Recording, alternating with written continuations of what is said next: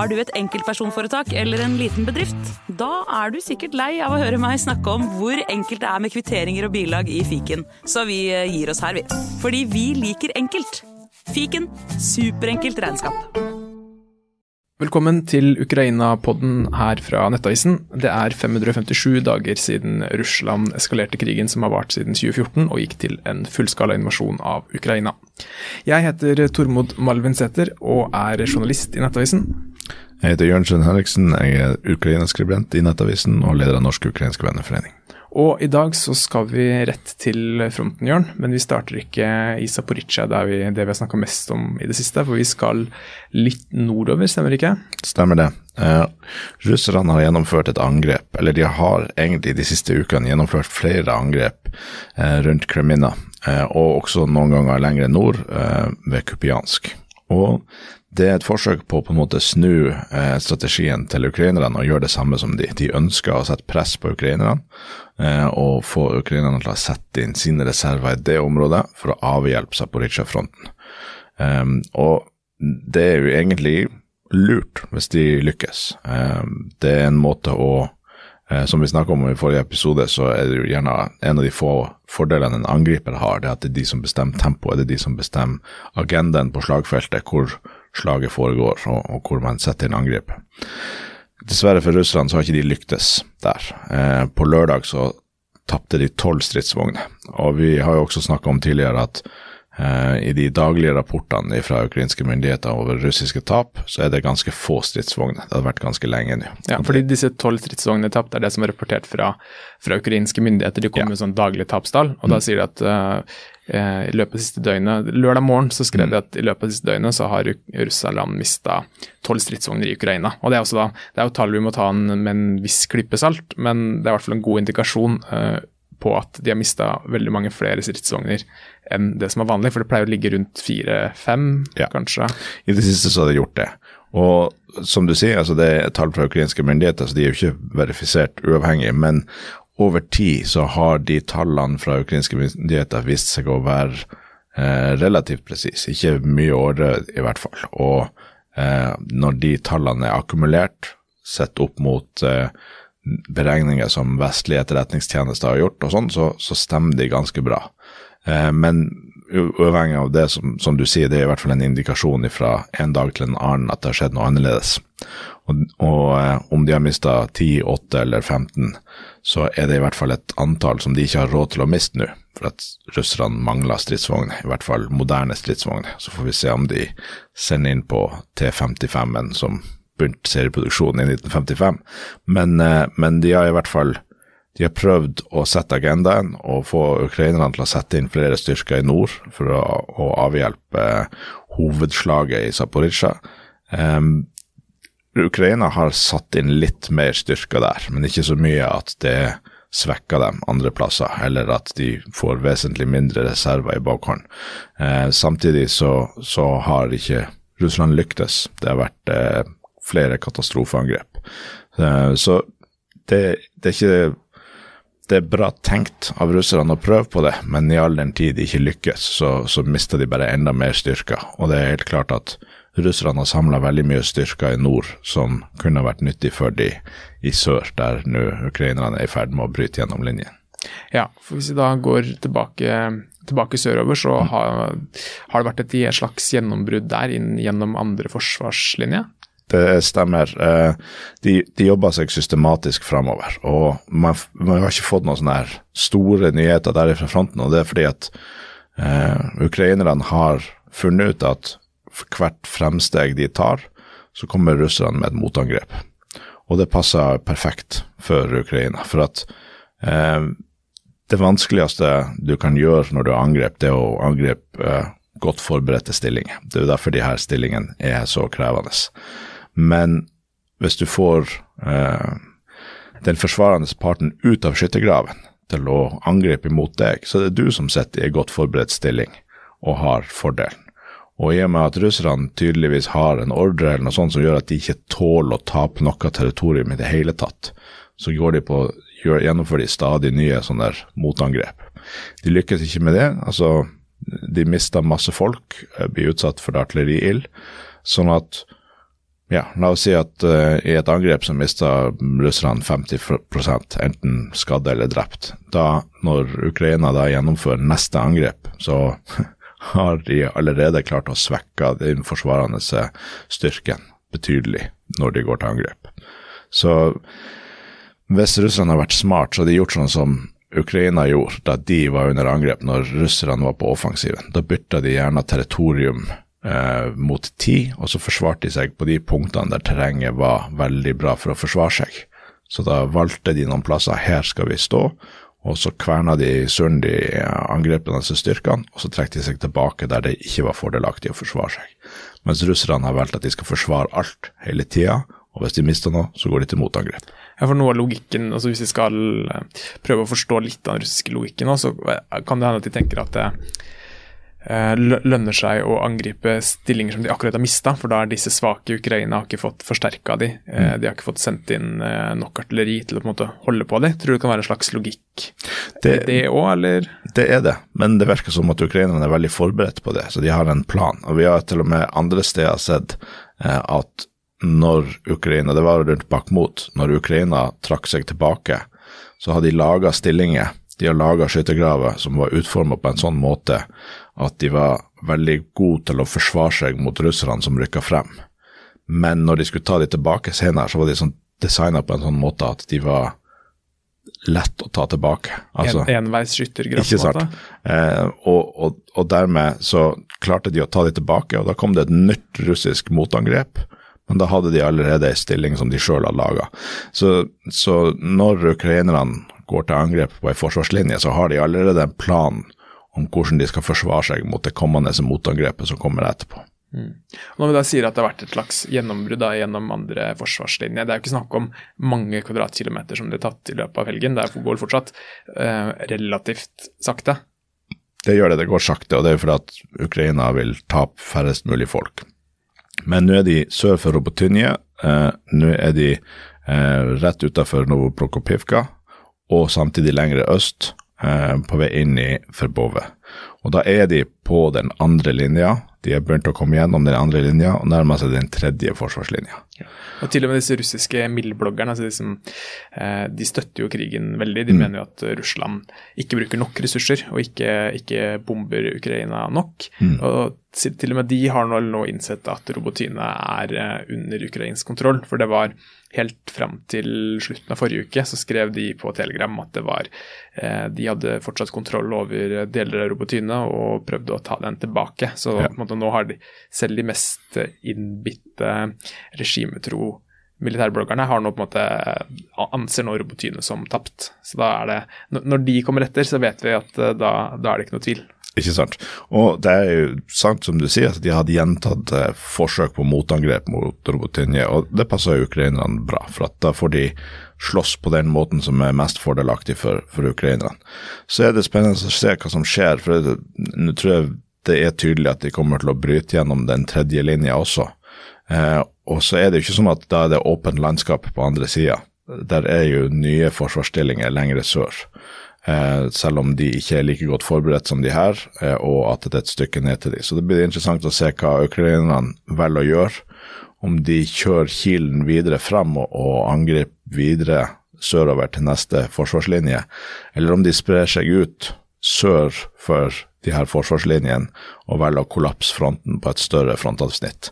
For det er klart, eh, hvis de nå pøser på med styrker når de har brutt gjennom, og sender de i en et slags ankerformasjon eh, øst og vest, sånn at de da eh, får de her forsvarslinjene omringa både nord og sør, så er det en potensielt stor kollaps for russerne og masse styrker de må, må trekke ut.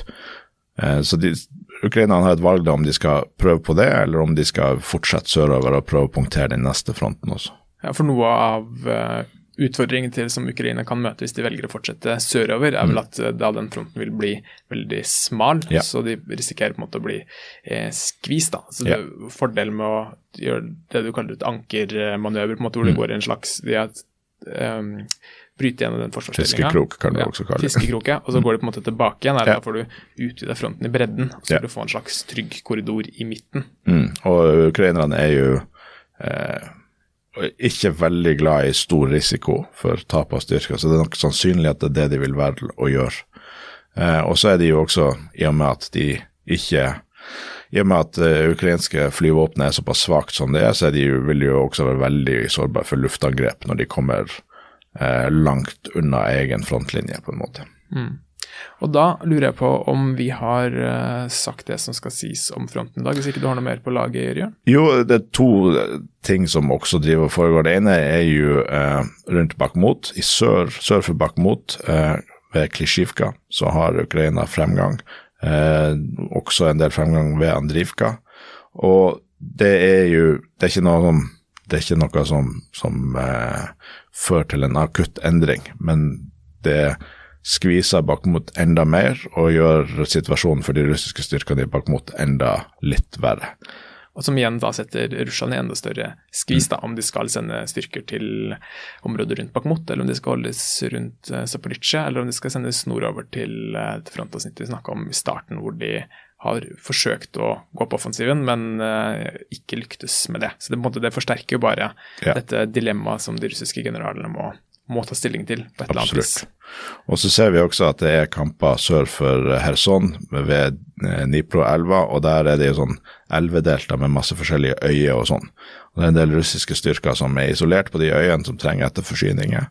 Og nå fikk vi en video, det er lenge siden vi har sett en Bayaktar-video, men uh, nå i helga kom det en video av at en ukrainsk Bayaktar eh, eh, sendte en missil og traff en russisk patruljebåt som drev og leverte forsyninger i det området her. Ja. Bayraktar er en russ, eh, beklager, tyrkiskprodusert eh, drone som mm. fikk legendestatus i Ukraina i starten av krigen.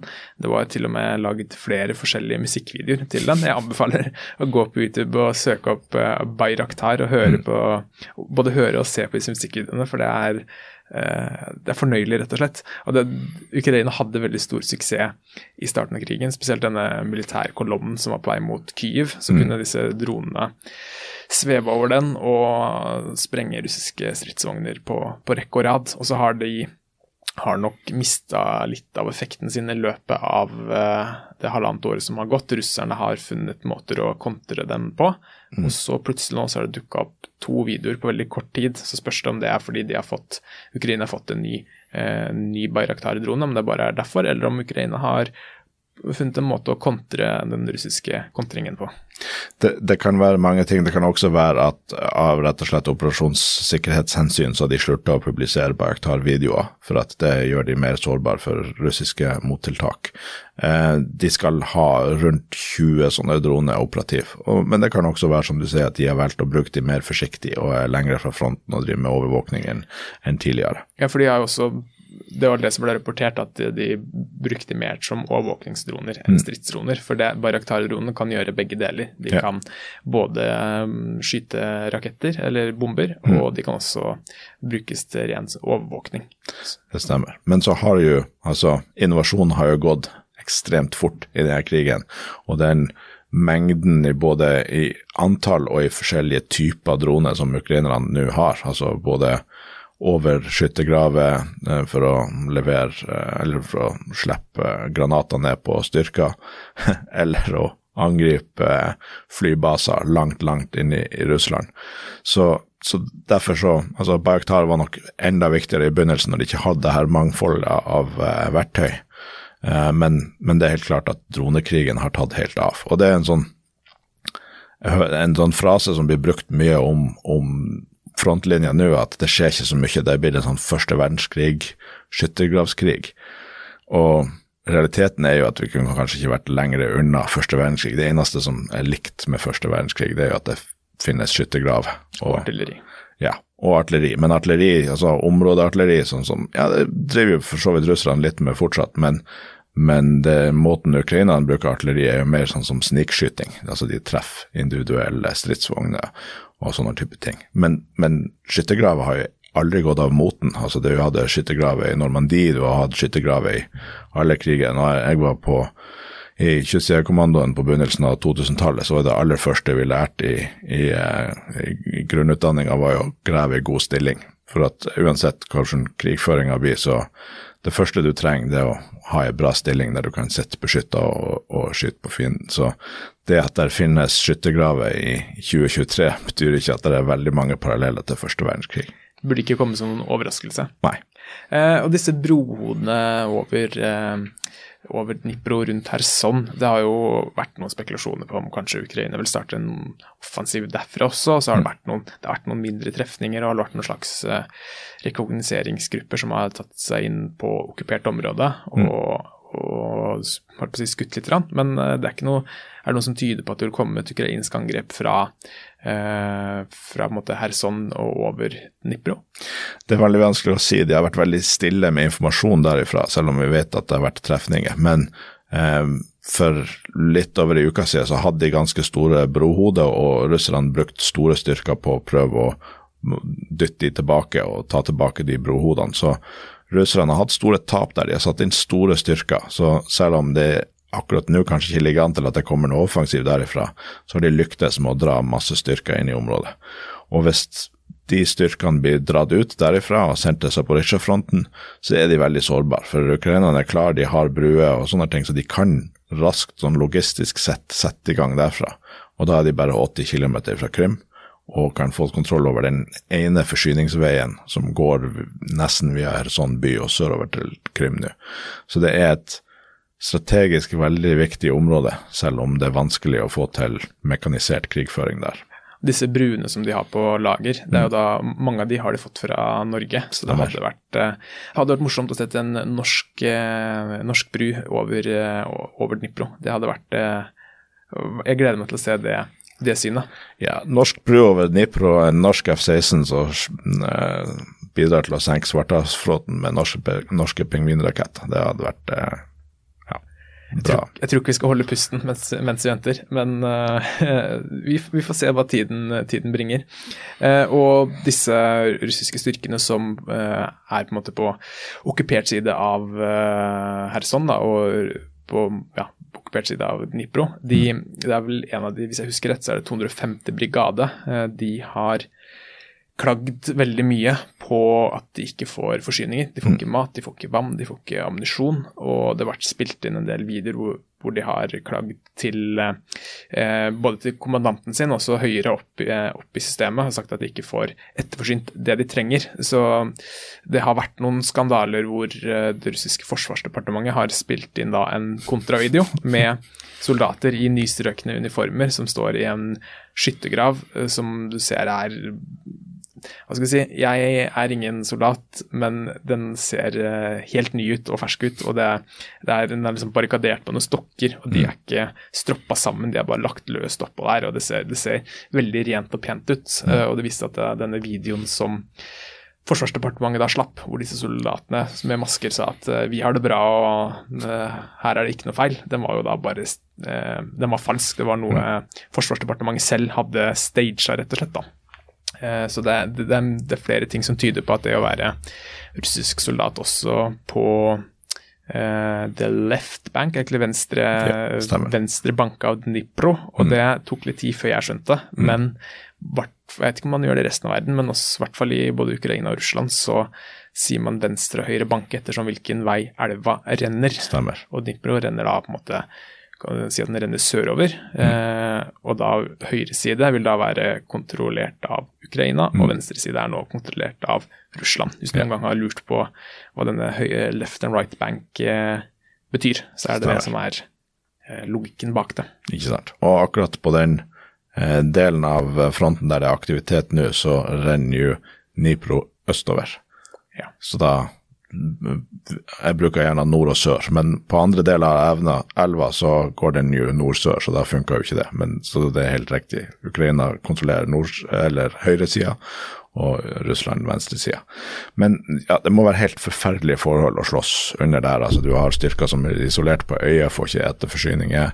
Kommer det en båt, tror du endelig du skal få noe, så sprenges den foran øynene dine. altså eh, Langs hele fronten så har jo Ukraina har jo vært veldig effektiv på å rasere det, det allerede dårlige logistiske systemet til russerne. Både med forsyningslinje og depot. De, antallet lastebiler og, og, drivstoffbiler som blir ødelagt hver dag, er ganske høyt. Sånn at eh, det har aldri vært hyggelig å være russisk soldat, men det blir jo verre og verre, og nå nærmer det seg vinter også. Sånn at eh, nivået på, på, menneskelig lidelse langs fronten eh, og på begge sider er nok enorm. Ja, og Det har også vært en del av taktikken til Ukraina. Det har vi sett helt siden i, egentlig hele, langs hele krigen, spesielt siden i, i våres. Så begynte de å angripe sånne oljeraffinerier mm. på, på Krym og på, rundt Kertsj-området her. Så det er et oljeraffineri som jeg ikke helt husker hva heter, men det har blitt angrepet flere ganger. Eh, så da på en måte Ukraina tar bort Russlands mulighet til å lagre drivstoff i nærheten av fronten, som ja. gjør at de må frakte eh, drivstoff over enda lengre distanser, som gjør at det blir mye tregere og mye mer sårbart. Og jeg leste en artikkel et eller annet sted for et par uker siden hvor eh, innbyggere i okkuperte, om det var Donetsk eller Luhansk, eh, klagde på at det var det var ikke alltid de hadde drivstoff tilgjengelig på de lokale bensinstasjonene. Mm. Eller i hvert fall de gjorde det.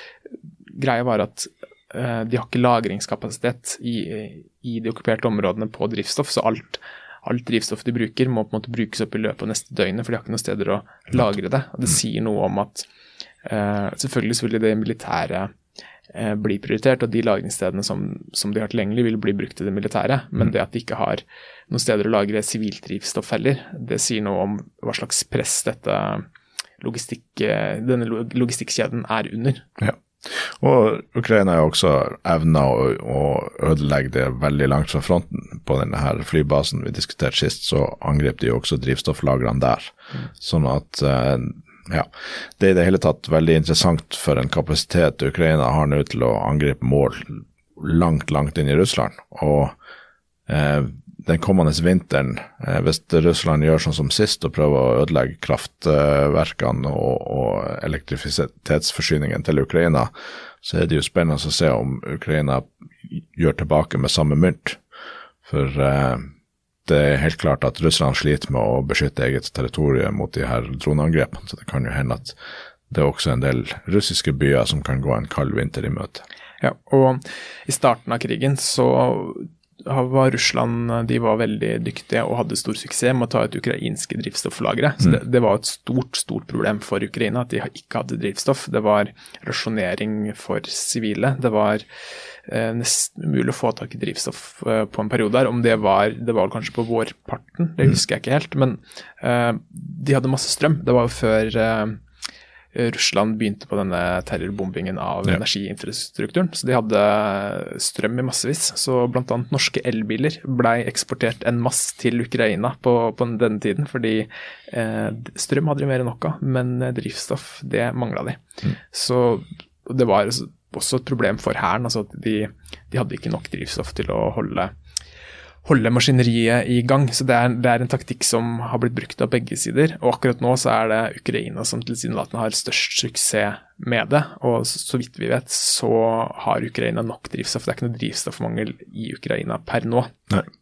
Og så har jo Ukraina den veldig store fordelen at de har jo en intern logistikk som er mye enklere enn Russland sin. For hvis vi ser, hvis du zoomer ut og ser på fronten i helhet, så er det jo en slags C og Ukraina opererer på innsida av den C-en, der det er korte avstander og du har på en måte intern logistikk som henger sammen. Det er ingen del av fronten som er utsatt. Mens russerne er på utsida av denne C-en og må gå store omveier. Med catchbrua helt uh, ubrukelig nå, så må de bruke båt over der og, og lignende. Så inn og ut av Russland og veier og jernbane som er under angrep og sånn. Så, så logistikken både måten frontlinja er forma på, men også hvilken type infrastruktur Russland har igjen der, gjør det veldig mye vanskeligere for Russland. Ja. Ukraina tar rett og slett innersvingen, mens De, Russland må ta yttersvingen. Helt klart. Alle som har enten eh, sett på rally eller fulgt med på Ingebrigtsen-brødrene løpe, vet at innersvingen er alltid raskere. Det er der du vil være. Nettopp. Eh, men da eh, tenkte jeg vi skulle snakke litt om dekk. Eh, det har kommet satellittbilder eh, som viser et russisk eh, krigsfly skal si det, dekka med dekk. Eh, altså de, har lagt da bildekk oppå flyskroget ja. på flyplassen. Det var vel en første sted jeg så det, tror jeg var på Twitter, en ukrainsk, det som skal være en ukrainsk offiser som heter Tatir Gami, mm. som kommer med veldig gode betraktninger om, om, krigen. Jeg anbefaler å følge han. Han kommer med mye interessant informasjon og gode resonnementer. Mm. Uh, og da ideen bak er at disse bildekkene skal beskytte eh, disse flyene mot droneangrep. Mm. Og det har blitt latterliggjort eh, rundt omkring, men du Jørn, du mener at det er ikke sikkert det er så veldig dumt? Nei, eh, men først av alt så vil jeg si at det her tror jeg de har planlagt veldig lenge. For at det husker jeg når når jeg eh, var ung og vokste opp i Lofoten, at de russiske trålerne som kom til Svolvær, de var alltid ute etter brukte bildekk. Det, det var attraktivt for dem. Så nå vet vi på en måte hvor de har havna. Men, eh, men altså, det trenger ikke å være så dumt, for jeg har lest en, en eh, forklaring på hvorfor de gjør det her som jeg syns virker plausibel, og det er at de ukrainske dronene som sendes dit, de bruker artificial intelligence for å finne målene sine, eller de har gjenkjenning av fly. Eh, og da kan det jo enten både være form, farge, eller eh, hvis de bruker infrarøde kamera, så er jo gjerne metall varmere enn omgivelsene og, sånne type ting. Så det at de her dekkene ligger oppå, gjør at det ser annerledes ut enn de forventa, og det kan forvirre eh, den datamaskinen som velger mål for droner. Eh, så, det, så, det, kan jo funke, men som vi snakka om før sending, det vil jo funke et par ganger, og så lærer de hvordan det skal omgås. Men det er i det hele tatt veldig vanskelig å beskytte sånne fly sånn som det her. For um, hvis vi, altså jagerfly, uh, sånn som F-16 eller MiG-29 og sånn, de har en størrelse så du kan bygge uh, sikre bunkere de kan stå i. Altså Gjennom den kalde krigen så bygde vi jo eh, bunkere eller forsterka hangarer på, i Bodø som kunne tåle atomvåpen. Eh, men du klarer ikke å gjøre det for en sånn strategisk bombefly som det er snakk om her, en uh, eh, 295 Bear. De er så svære at du klarer ikke å lage, så de må på en måte stå ute. Og Da har du begrensa mulighet til å beskytte dem, og det her er jo et forsøk, selvfølgelig. Men jeg tror at for det første at ukrainerne blir å finne en vei rundt og allikevel treffe dem, og når de først eh, lander noe sprengstoff oppå de, så blir ikke de dekkene der og gjør noe stor forskjell. Nei, for det er jo også noen som har spekulert i at de håper at måte, granatene eller bombene skal sprette av bildekkene, men uh, jeg, ikke, jeg, tror jeg vil ikke sitte inn i et sånt fly mens det sto stille på bakken, med eller uten dekk. Jeg ville ikke tatt sjansen på det. Og når vi først er inne på droneangrep på flyplasser, så forrige uke så snakka vi om angrepet på Peskov militærbase. Og på torsdag eh, så gikk Budanov ut, det er han som er sjefen for den ukrainske etterretningstjenesten. Eh, Ivan Budanov, er det den heter? Mm. Ja, han, er, han eh, gikk ut og sa at det var Ukraina som sto bak angrepet, men det var utført fra russisk territorium. Så det var droner som var sendt opp fra Russland og kontrollert fra russisk jord, som angrep denne flyplassen på Peskov den ligger 70 mil cirka fra grensen til Ukraina, mm. give or take. Mm. Eh, og det er jo en interessant utvikling, og han sier at de også vil komme med flere sånne angrep. At uh, det er ikke det siste de har planlagt, og at de har kapasitet til å utføre, utføre flere lignende angrep fra russisk jord. og det, det, blir spennende å følge med på videre hva slags innvirkning det kan ha. for det her droneangrepet mot uh, Peskov forrige uke hadde det utsletta to sånne transportfly. Fire. Ja, for det er to stykker som er helt utbrent, ja, ja. og så er det to stykker som har tydelige brennskader. Ja, og de har sannsynligvis sprengningsskader også, sånn at selv om de kanskje går an å reparere, så blir ikke det å skje denne måneden og ikke neste måned heller. Antageligvis ikke neste år heller. Eh, det, det, for, det, jo, Vi har bare sett satellittbilder av det her, så det er mm. vanskelig å analysere akkurat hvor store skader det er. Men mm. det er helt tydelig store områder som er brannskadd og muligens da eksplosivt skadd. på en måte mm. Der vingene møter flykroppen. Ja. Det er jo et veldig sårbart område. og Russland sin kapasitet til å drive vedlikehold, langt mindre store reparasjoner av denne typen, er vanskelig å si. Det kan godt være at eh, det er lettere for de å sette i stand et, et gammelt utrangert fly som ikke har flydd på lenge. For de har jo mange av de her skrogene, men, men akkurat nå, for de nærmeste månedene, så har de mista ja, fire av 40 fly, som er 10% av flåten, som de absolutt vil, vil merke. Men det er jo en interessant uttalelse av han. Jeg syns den er veldig Ja, altså, som du sier, du skal ta ting som kommer fra begge sider med en klype salt. Det kan selvfølgelig være at det er riktig, og jeg tror at ukrainerne har styrker inne på, på russisk jord. Men hvorfor vil han gi fra seg de opplysningene? Eh, det vil jo øke risikoen på de styrkene betydelig at han innrømmer at det er på en måte ukrainsklojale styrker der inne i Russland. Og Det er jo noe som russerne også har sagt i sine medier, at uh, Ukraina umulig kan ha droner som flyr så langt, så det må være noen som er inne i Russland. Det kan være at han syns det er fint å bare forsterke det narrativet, at han gjerne vil at uh, russerne skal bruke masse tid på å gå og patruljere og lete etter de her styrkene som, som ikke finnes. Det her er rene spekulasjoner for min del, jeg vet ikke. men hvis jeg har vært han og jeg hadde styrker der inne, så har ikke jeg sagt det på TV og øka risikoen for at de skulle bli funnet betydelig. Men jeg vil kanskje ha sagt det der for å gjøre jobben til russerne vanskelig og få de til å bruke ressurser på å lete etter noen som ikke er der. Ja, for det er jo en form for altså, All kommunikasjon fra Budanov og resten av ukrainske myndighetene er jo en form for uh, det er, en del av informasjonskrigen, det også. Og det er jo, hvis du er en russisk eh, soldat som har ansvaret for å, sikkerheten på en flyplass i Peskov, mm. Eh, så vil nok ikke det føles veldig kult å vite, eller bli fortalt, da, at det finnes ukrainske eh, ukrainsklojale mm, partisanere i nærheten som, som, står klare til å angripe deg. Og det vil nok på ja, det vil nok påvirke de negativt sånn, i hvert fall. Og så får vi se det, hvor reelt det er, da, om vi vil se flere sånne angrep fra, ja, fra, innsiden av Russland fremover. Ja, og Det er klart altså, det har en veldig stor innvirkning på krigen og, og, at de har ødelagt de her fire flyene, men det kan også ha en stor innvirkning på, flyet, på, på krigen hvis russerne nå bruker flere tusen soldater på å drive med patruljer og bevåkning rundt flyplasser over hele Russland. Ja.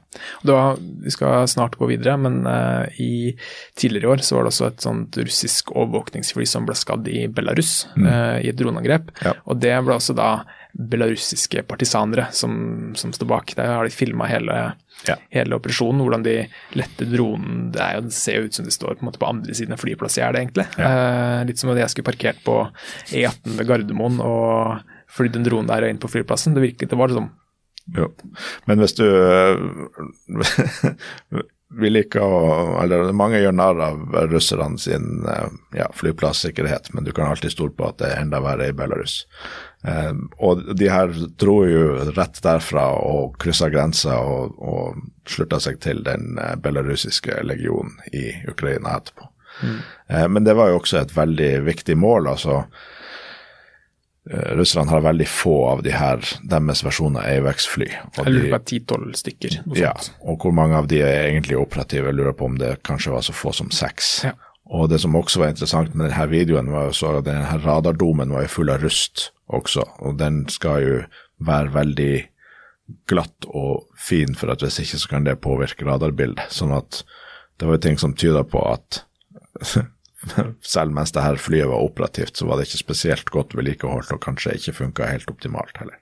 Ja, og Dette overvåkningsflyet vi snakker om, det fungerer som en slags eh, flyveleder i lufta, som har mm. kontroll over eh, luftrommet på, større, på, et større område. Mm. Og Da eh, tror jeg vi skal gå videre. Vi skal snakke om Resnikov, som vi snakka om forrige uke. Eh, søndag kveld så skrev Ukrainas president Zelenskyj på Telegram at han eh, vil eh, be parlamentet, Verkova Rada, om å skifte ut Resnikov og innsette en ny forsvarsminister eh, som heter Rustem Umerov. Han er født i eh, 1982, mm. samme år som deg, Jørn. Det er en veldig god årgang. Det er en av de beste årgangene vi har hatt. Ja, så han er 41 år gammel, relativt uh, ung, må vi kunne si? Ja, veldig, veldig, veldig ung ja. og dynamisk. Ja. Eh, og han er krymtartar, altså han er da Eh, tilhører urbefolkningen på Krimhalvøya. Mm. Og det er, ligger nok mye symbolikk i det, at han eh, det er han som blir eh, Ukrainas neste forsvarsminister hvis det går gjennom i, i, parlamentet. Og det har vi vel ingen grunn til å tro at det, det er noen som vil stikke kjepper i hjulene for det. Så det er nok rimelig antatt at det er han som vil uh, offisielt ta over i løpet av uka. Og sånn som jeg skjønner det, så er han også på en måte allerede i gang i jobben. Han har på en måte inntatt kontor allerede, og så venter de bare på den formelle godkjenningen. Uh, han er født i Usbekistan. Uh, han er ikke født i, i verken i, Ukraina eller på mm. Krimhalvøya. Fordi familien hans, som da kommer fra Krimhalvøya, de ble deportert til Usbekistan i 1944. Da var det veldig, veldig mange eh, De fleste krimtartarer ble deportert bort fra Krim og til eh, Usbekistan. Mm. Akkurat som tsjetsjenere ble deportert fra Tsjetsjenia til Kasakhstan. Det var mm. sånt man drev med i Sovjetunionen for ja. å Estra også, oppe i Sibir. Og, ja, du har utallige altså, Du har like mange eksempler på det som du har russiske urfolk. Det var en uh, måte å russifisere, altså få, få bort disse plagsomme minoritetene og få skape ett russisk lojalt uh, folkeslag. Mm. Uh, denne deportasjonen av krimtartarer til Usbekistan er uh, anerkjent i Ukraina som et folkemord. Mm. Det skjedde i 2015, kort tid etter at Russland annekterte Krimhalvøya. Familien til Umerov de flytta tilbake til Krimhalvøya på 90-tallet. Det var nok altså, som en konsekvens av at Sovjetunionen falt sammen, så åpna også de mulighetene seg. Eh, så han er sagt født på født Usbekistan, men er fra Krim. Mm. Og er da også leder for Krim-Tartar-foreningen, stemmer ikke det? Eller i hvert fall vært aktiv der. Ja. Eh, han har, en, han har, en, mastergrad i finans fra Ukraina og var eh, på et utvekslingsår i USA under studiene, så det er rimelig antatt at han snakker godt engelsk, noe som vil være særdeles viktig for den jobben han skal uh, ta på seg nå. Og han blei valgt inn i det ukrainske parlamentet for partiet Holos. Og det som er litt interessant, er at han satt da i opposisjon til Zelenskyj, så han kommer ikke fra samme parti Nei. som Zelenskyj. Og Det er også litt interessant at uh, Zelenskyj velger en forsvarsminister fra et opposisjonsparti.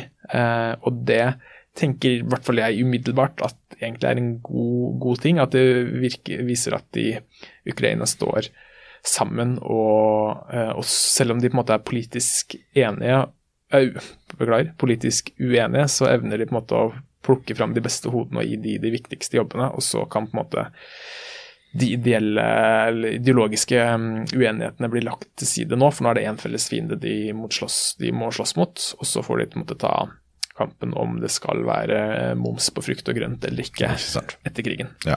Intern eh, partipolitikk er ikke så viktig akkurat nå, og det her blir en slags eh, ja, samlingsregjering, krigsregjering, som, som fungerer i, i under en akutt trussel mot nasjonen. Men det, det, er jo veldig mye interessant her. Eh, altså Vi kunne hatt en hel episode om russifiseringspolitikken eh, som selv om det ble Sovjetunionen, så handla det jo veldig mye av det som skjedde internt i Sovjetunionen om russifisering også. Det ser vi mange plasser.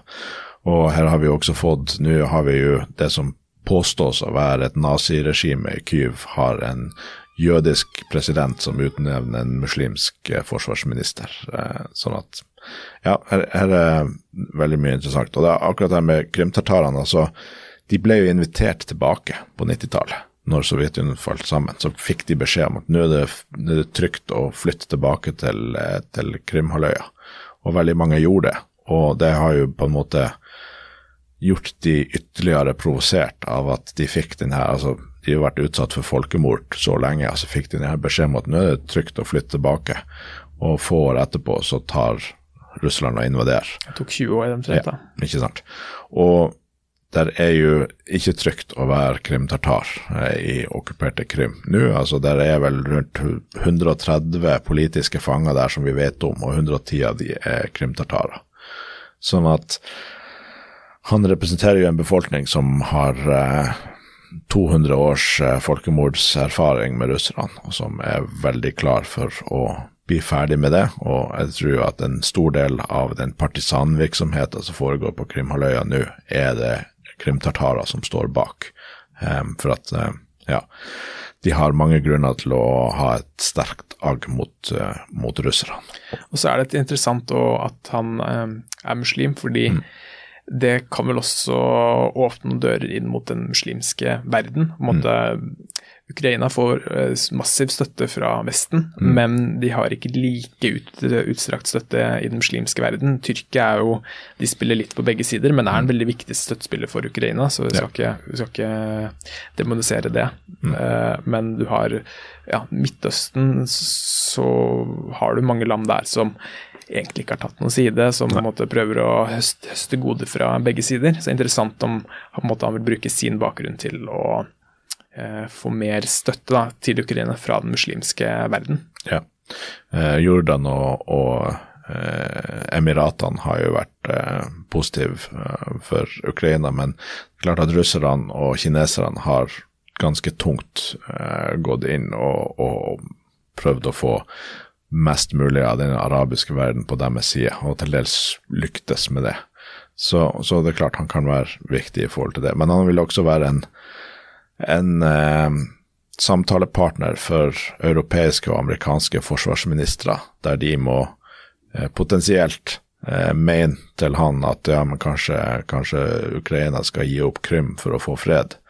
Og sitte og si det til en krymtartar blir kanskje enda litt vanskeligere enn, enn det ellers ville vært. Det er litt som hvis de allierte skulle sagt til en uh, same under krigen at uh, du får bare gi opp Finnmarksvidda. Ja. Altså, det, ja, det, det, tar seg ikke ut. Nei. Uh, og så han, han, denne Umerov, han kommer fra, han har vært, kommer fra han har leda det statlige eiendomsfondet som ble oppretta på 90-tallet for å privatisere ukrainsk statlig eiendom. Mm. Har vært der siden september 2022. Uh, det er litt uklart for meg akkurat hvilken rolle fondet har i, har i dag, men, men, det jobber i hvert fall for å skaffe inntekter til den ukrainske staten og det ukrainske forsvaret, bl.a. for å leie ut statlig eiendom og eiendeler. Mm. Eh, og Da tror jeg vi skal ta en kjapp oppsummering av hva som skjedde med Resnikov. For han, eh, Vi snakka om han i forrige episode, hvor vi, vi, sa mye fint om han, men det har også vært flere skandaler rundt ham. Eh, det har vært flere korrupsjonsskandaler i det ukrainske forsvaret. Tidligere i sommer så sparka Zelenskyj alle disse mm, verveoffiserene, altså alle disse eh, øverste lederne for de forskjellige ververegionene mm. i Ukraina. De fikk sparken pga. korrupsjon. Det var de mente at det var altfor mange som hadde fått fritak fra militærtjeneste mm. uh, uten at det var grunn til det. Altså det var uforholdsmessig mange som plutselig hadde kroniske sykdommer, eller flere enn er det tre barn. Mm. Ja, eh, for Hvis du har mer enn tre barn, så slipper du vel å Tre eller flere, tror jeg. Ja, la, la, hvis grensa er tre, så var det unaturlig mange som hadde tre eller flere barn. Da. Så det var, det var altfor mange som fikk fritak fra ja, fra Hæren i forhold mm. til eh, hva statistikken skulle tilsi. Eh, så ble det rørt en stor korrupsjonsskandale der, hvordan det var mulig å kjøpe seg unna militærtjeneste. Mm. Eh, da sparka de alle disse vervingsoffiserene. Det er også Tidligere i februar så ble det avdekka en skandale hvor da viseforsvarsministeren måtte gå av etter at det viste at den ukrainske hæren kjøpte tre, nei, ett brett egg til prisen av tre. Altså De kjøpte det altfor dyrt, og så visste viste at det var noen forbindelse der. De som tjente penger på det her, satt vel litt for nærme Forsvarsdepartementet til, til, at det egentlig var bra. Og så har den ukrainske hæren de har kjøpt mange tornikeer fra Kina. Kinesiskproduserte tornikeer mm. som har vært eh, veldig billige. Torniké det er, eh, kall det et belte man eh, bruker for å stoppe blødninger. Ja. Veldig, veldig enkelt forklart. Ja, og det må være veldig, veldig stramt og så må det forbli stramt etter at du har festa det. Det som var problemet med de her kinesiske, mange av de gikk sunn i det hele tatt. Eh, men så også var det sånn at eh, på vei i ambulansen så løsna de litt etter litt etter litt, uten at man merka det, og så eh, blødde den skadde i hjel før de kom til, til behandling. Og, ja, unødvendige dødsfall, som helt klart er en skandale. Ja, og det har også vært klaging fra ukrainske soldater på at de har hatt mangelfull eller ikke tilstedeværende førstehjelpsopptrening. Mm. Eh, og alt det her er jo ting som har eh, i bunn og grunn vært Resnikovs ansvar. Ja. Eh, eh ja, så det er vel noe av fak flere faktorer da, som gjør at eh, de har bestemt seg for at nå har han måte, gjort sitt. Og han, han, har gjort en utrolig viktig jobb for ja. Ukraina. Altså, eh, ben Wallace, som vi snakka om forrige uke, vi snakka om at han var en veldig karismatisk fyr som mm. altså, personlighet betyr noe. Eh, ja. Nylig avgått forsvarsminister i Ukraina. Han la ut en melding på Twitter som hylla Resnikov, og det, det tror jeg vi skal ta med oss, selv om Resnikov nok har hatt sine svakheter, så har han vært uh, uvurderlig for den hjelpen Ukraina har fått. Ben Wolle skrev at um, Vi kan lese opp meldinga her, den er ganske kort, og syns oppsummerer godt hvordan standingen av Resnikov har hatt i Vesten. Lykke til, Oleksi. Du har vært fantastisk for Ukraina. Vi har jobbet tett sammen helt siden starten, og uten deg hadde ikke den internasjonale støtten vært mulig. Få vet om ditt fulle bidrag under denne krigen, men for de av oss som gjør det, tusen takk. Ikke sant. Og det er jo et uh, veldig viktig poeng at selv om han må gå av, uh, kanskje pga. de her tingene, så har han jo gjort ekstremt mye bra. Og så er det jo sånn at når du er forsvarsminister, jeg vet ikke hvor nært han har vært de her type skandalene, det er ikke sikkert at han har direkte uh, skyld i at det har skjedd, men når du er øverste ansvarlig, så er du øverste ansvarlig, og, og du må på en måte ta ansvar for de her tingene som har skjedd. Og Det er også et viktig signal for Zelinskyj eh, å vise at han bekjemper korrupsjon. Eh, og Det kan godt være at det finnes formildende omstendigheter akkurat for Resnikov, men du kan ikke tillate sånne type ting når, når det å bekjempe korrupsjon er nest etter å vinne krigen den viktigste tingen som Ukraina som, som samfunn ja, Og det ene lar seg ikke gjøre uten det andre. Nei. Uh, men han skal vel bli ambassadør til Storbritannia, så helt, helt avskilta er han ikke enda. Men uh, nå får vi se hvordan uh, denne nye forsvarsministeren vil gjøre. Jeg er spent på å se hvordan Rustem Umerov vil, vil fremstå. Ja, og med en ny forsvarsminister i Storbritannia også, så vil jo rollen som Ukraina sin ambassadør der være eksepsjonelt viktig. Så han er jo på ingen måte ute av, av gamet. Nei, på ingen måte. Og da uh, skal vi gå over til en helt ny spalte. Yes. Uh, det syns vi er veldig stas. Vi har fått vår uh, første, fått første lytter-e-post. Mm. Så vi takker og bukker for det. Den kommer fra Øyvind i Sandhornøy utafor Bodø, så takk til deg, Øyvind. Og han skriver at eh, det er en svært interessant podkast, lærerikt og verdifullt bidrag til å kunne holde seg ovenpå nyhetsdekningen for en engasjert og nysgjerrig legmann. Og de vi må bare takke og bukke for veldig Setter vi veldig pris på. Veldig hyggelig tilbakemelding. Vi har fått uh, mange femstjerners eh, vurderinger på både Spotify, Apple Podkast og andre plattformer. Det setter vi veldig pris på. Fortsett gjerne med det. Yes, da, Det hjelper showet til å spre seg. Vi er oppe på en 16.-plass på topplista på Spotify nå. Ja. Det, er, det, er, veldig, veldig stas. Topp 20 er kult. Veldig, veldig kult. Og Spotify er den største plattformen for podkaster i Norge, så det mm. her er eh, veldig, veldig veldig moro. Så gi oss gjerne fem stjerner, og følg showet, så du får varsler når du slipper nye episoder. Men det var egenpromoteringen. Nå skal vi fortsette med promotering fra, fra Øyvind. Det, han kommer med så mye skryt at vi slipper egentlig å skryte noe selv. Eh, han fortsetter med et spørsmål til oss. Det er at et av mange temaer å gruble på er hva skjer med Putins støttespillere her i vest når Putins nederlag er et faktum? Jeg ser jo selvfølgelig ikke for meg interneringsleir og den slags, skriver Øyvind. Men det er et faktum at det er mange av dem også her i Norge. Jeg følger med på noen av skriveriene deres, særlig to stykk her øh, hvor jeg bor, og jeg lurer tidvis på hvordan de kommer til å takle hverdagen når deres ideolo ideologiske havari blir blottstilt og seierherrene kanskje vil øh, bli krevende å håndtere i en påregnelig, men forhåpentligvis fredelig seiersrus. Uh, takk for et godt spørsmål, Øyvind. Og det han da spør om, er jo da hva skjer med disse som eh, taler eh, Kremls sak i Norge eh, og andre vestlige land. Det, det finnes jo en hel del av de som enten helt direkte og åpenlyst taler deres sak, eller mer indirekte måte, går ja, snakker Prøver å selge inn et budskap som er, er, på linje med det Kreml ønsker. Og når denne krigen da en gang over og Ukraina forhåpentligvis har klart å gjenopprette, gjenopprette sine landegrenser, mm. hva tror du skjer med disse Nei, det er, jo, det er jo interessant, og det finnes jo flere typer. Det er jo en god del som ja, litt sånn konspirasjonsteoretiker-type folk som har fått uh, opplysningene sine fra russiske uh, russisk-backa YouTube-kanaler og sånn, og som har, er overbevist på samme måte som at noen er overbevist om at jorda er flat, så er de overbevist om at russerne vinner og, og alt mulig sånn. og de finnes der alltid. Noen ønsker å være kontrær, og noen ønsker å tro på det her. Eh, og, og de tror jeg ikke vil skje så mye med annet enn at de finner noe annet å være overbevist om. Det var jo en hel del folk som som støtta Røde Khmer i, i Kambodsja og sånne type ting. Og når grusomheten deres kom til overflaten, så var det ikke alle som tok et stort oppgjør med det, men de bare skifta fokuset til noe annet. Men så har du de her som det virker som ganske tydelig er en del av informasjonskrigen og tar kuene sine fra Moskva, godt utdannet folk i posisjoner som du skulle tro hadde god tilgang på god informasjon, men allikevel som stadig kommer med budskap som er veldig tett knytta til det du finner på Russia Today og, og, og helt klart Kreml-opprinnelse, eh. Og det kan jo bli veldig interessant. Kanskje noen av de eh, kan være verdt å etterforske hvor inntektskilden deres har kommet ifra de siste par årene.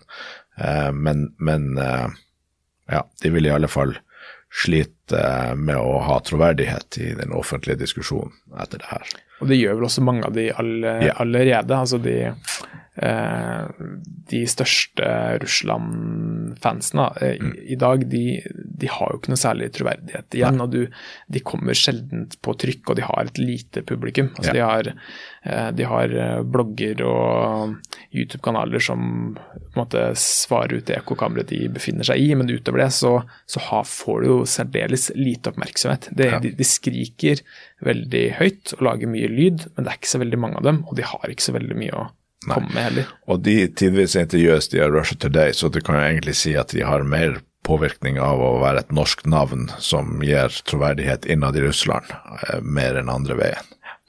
Men så har du jo også, det blir jo interessant å se, for at han snakka jo om i Europa for øvrig, der er jo veldig mye eksilrussere med nære tilknytninger til Kreml rundt omkring i Europa, og hva som skjer med de eh, hvis det russiske regimet faller sammen, kan jo bli veldig interessant.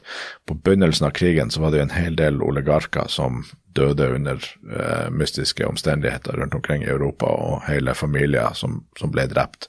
Og det er jo uklart hvem som står bak det, og hvorfor men det var jo en, en lignende bølge av folk som, som forsvant tilknytta til de ulike sikkerhetsapparatene til nasjoner i Øst-Europa da Sovjetunionen falt sammen og muren falt og, og sånn. Så det er jo um, naturlig at når imperier faller sammen, så, så skjer det noe uh, i de maktstrukturene som eksisterte. eksistert. Kanskje motivene kan være hevn eller konkurranse om, om verdier og sånne type ting. Men det blir jo oversiktlig. og sannsynligvis ikke noe hyggelig for de som er nært tilknytta et regime som i alle fall vi kan si vakler litt nå. Ja.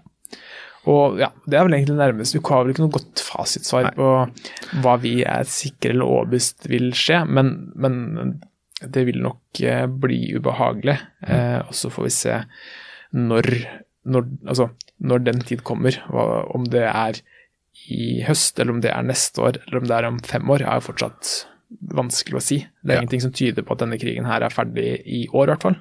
Nei, og hvis, noen, hvis, du møter noen som er veldig klar på hva som kommer til å skje, så lyver de, for dette det er ingen som vet. Det er jo kanskje det mest eh, ustabile og uoversiktlige man kan tenke seg, er hva som skjer i Kreml hvis denne krigen tapes på en voldsom måte.